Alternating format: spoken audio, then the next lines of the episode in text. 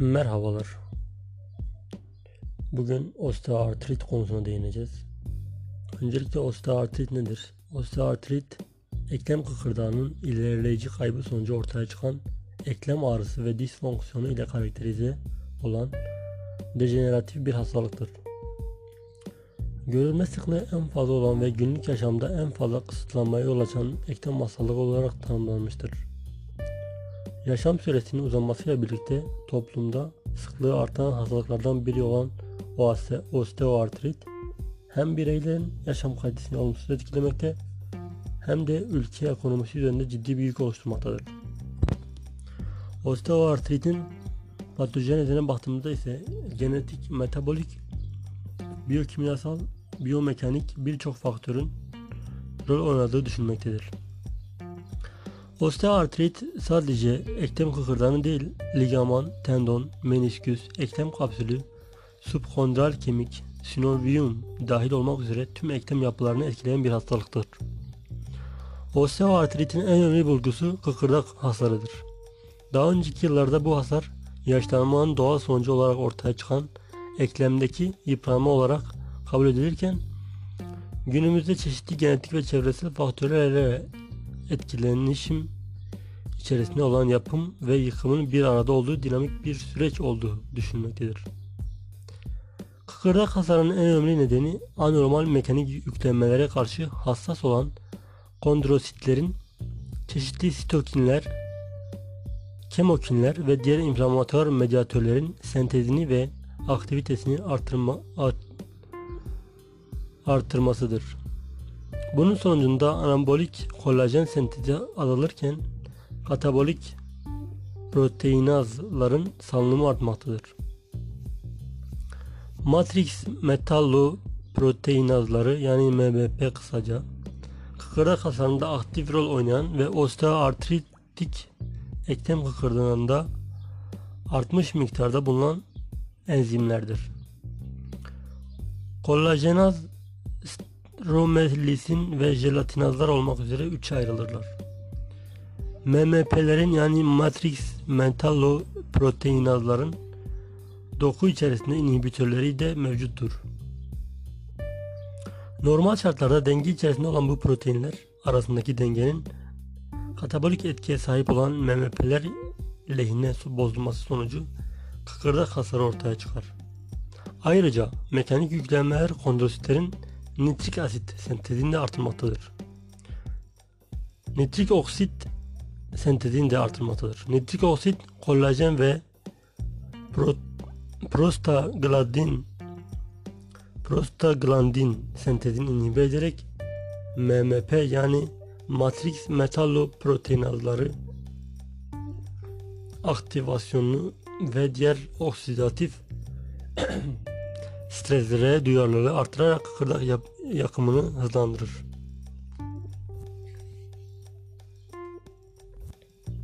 Bunların yanı sıra nitrik oksidin kondrosit apoptozunda da yer alan önemli bir medyatör olduğu düşünülmektedir.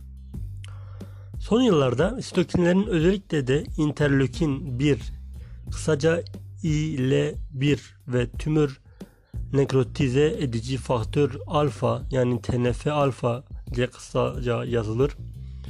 Ee, bunun gibi katabolik etkiye sahip olanlarının osteoartrit patojenezindeki rolü üzerinde durulmaktadır.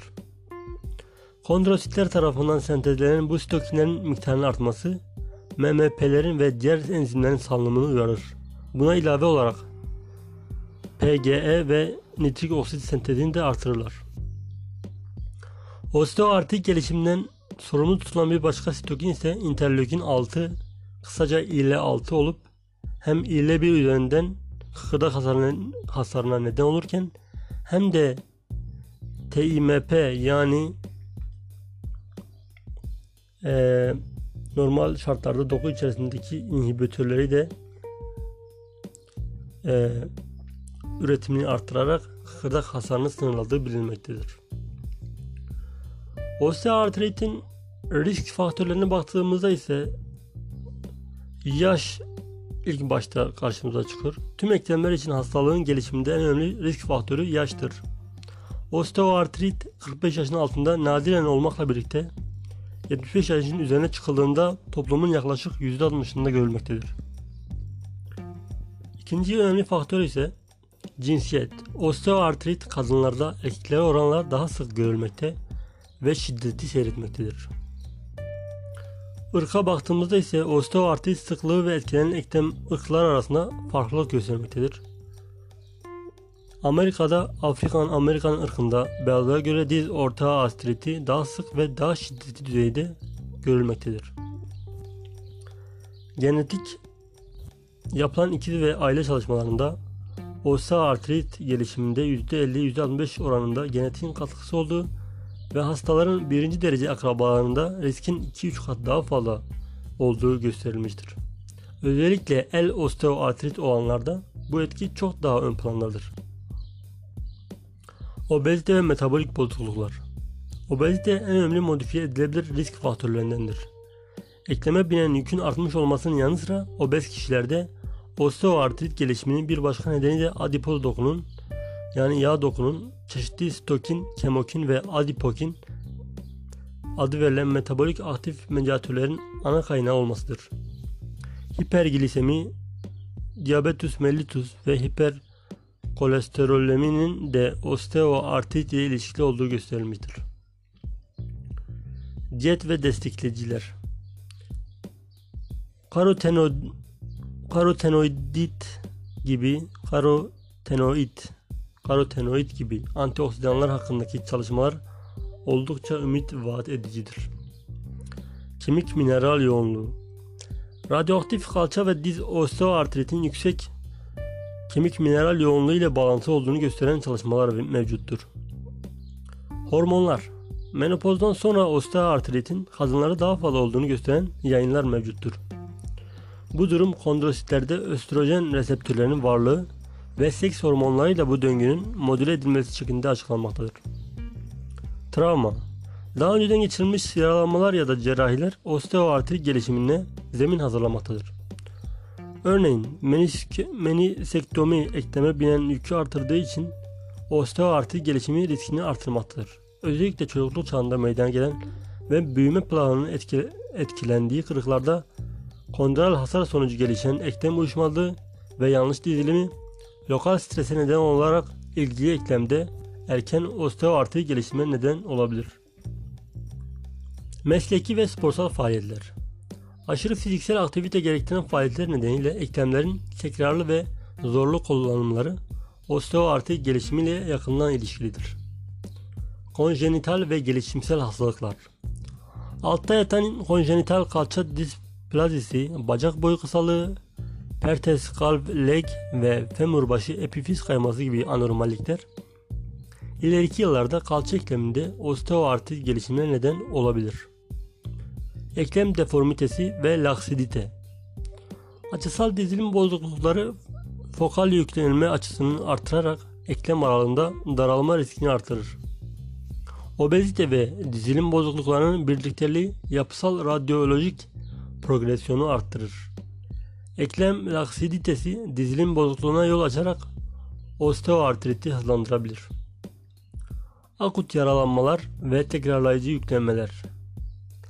Alt ekstremitedeki fraktürler sekonder osteoartritin potansiyel nedenleri arasındadır. Yapılan çalışmalar yaralanmalarla kondrosit ölümü arasında ilişki olduğunu göstermektedir. Kas güçsüzlüğü Quadriceps kasında güçsüzlüğün diz osteoartrit ile ilişkili olduğu bildirilmiştir.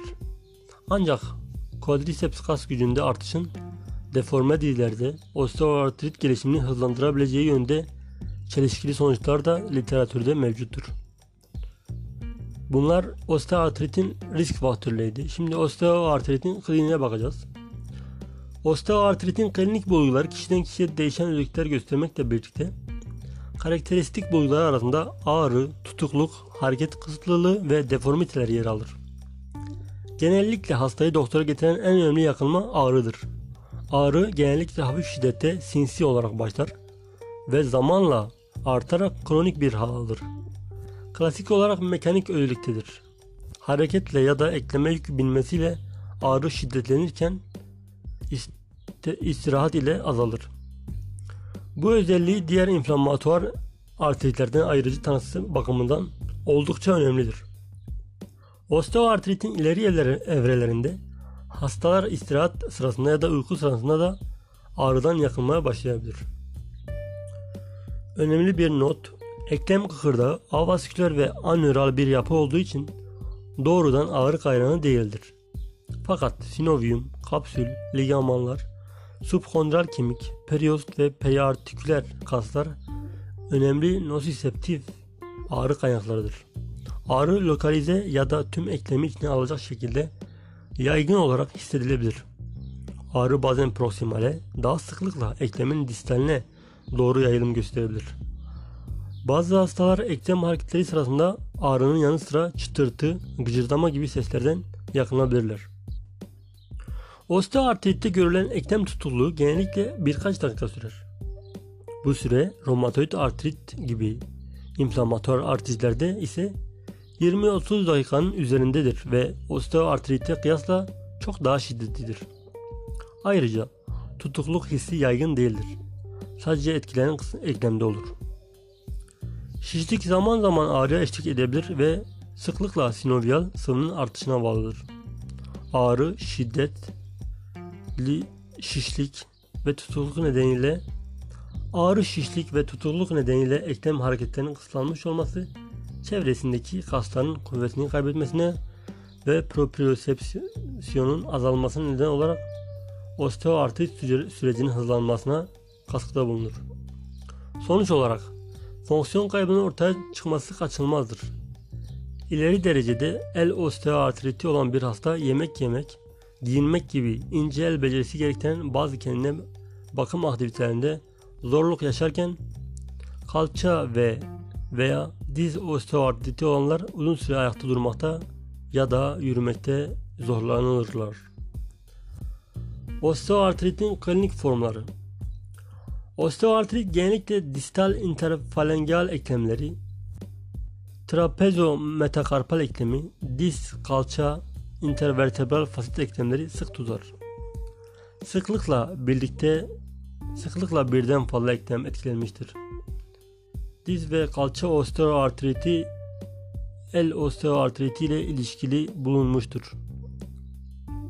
Primer osteoartrit Sekonder bir neden olmadan gelişen bu tipte klasik klinik ve radyolojik bulgular söz konusudur. Sekonder osteoartrit.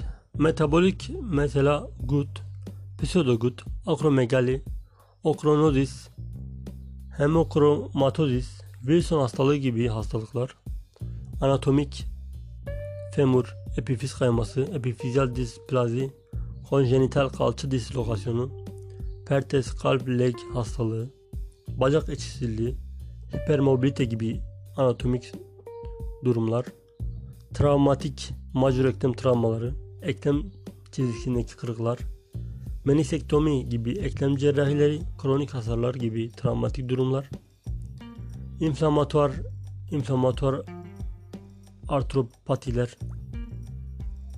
gibi veya geçirilmiş septik artrit gibi nedenlere bağlı gelişen osteoartrit sekonder osteoartrit olarak adlandırılır. Hipertrofik osteoartrit en sık görülen tipi olup eklem aralığında daralma, subkondral kemik sklerozu, osteofit ve kemik kistleriyle karakterizedir. Nadir görülen hızlı ve yıkıcı bir form olan atrofik osteoartritten ayırıcı tanısının yapılması gerekir. Primer generalize nodal osteoartrit Poliartiküler ve daha ağır ve daha ağır seyreden bu alt grupta kondrokalsinozis gibi metabolik artropatiler araştırılmalıdır. Erozif inflamatuar osteoartrit Erozyonlarla karakterize özellikle distal interfalangeal eklemlerde görülen bu osteoartrit tipinin romatoid artrit gibi inflamatuar artritlerden ayrıcı tanısının yapılması gereklidir. Diffuse idiopatik skeletal hip hiperosteozis kısaca DISH Omurgada birbiriyle birleşen akıcı tarzda büyük ve kaba osteofitler veya anterior vertebralarda füzyonlaşan yani birleşen marjinal kemik proliferasyonu ile karakterizedir. Radyolojik anormalliklere rağmen ağrı azdır. Ankilozan spondilitten ayrımı Ankilozan spondilite daha ince sindesmorfitlerin varlığı sakroiliak eklemlerin tutulmasıyla yapılır.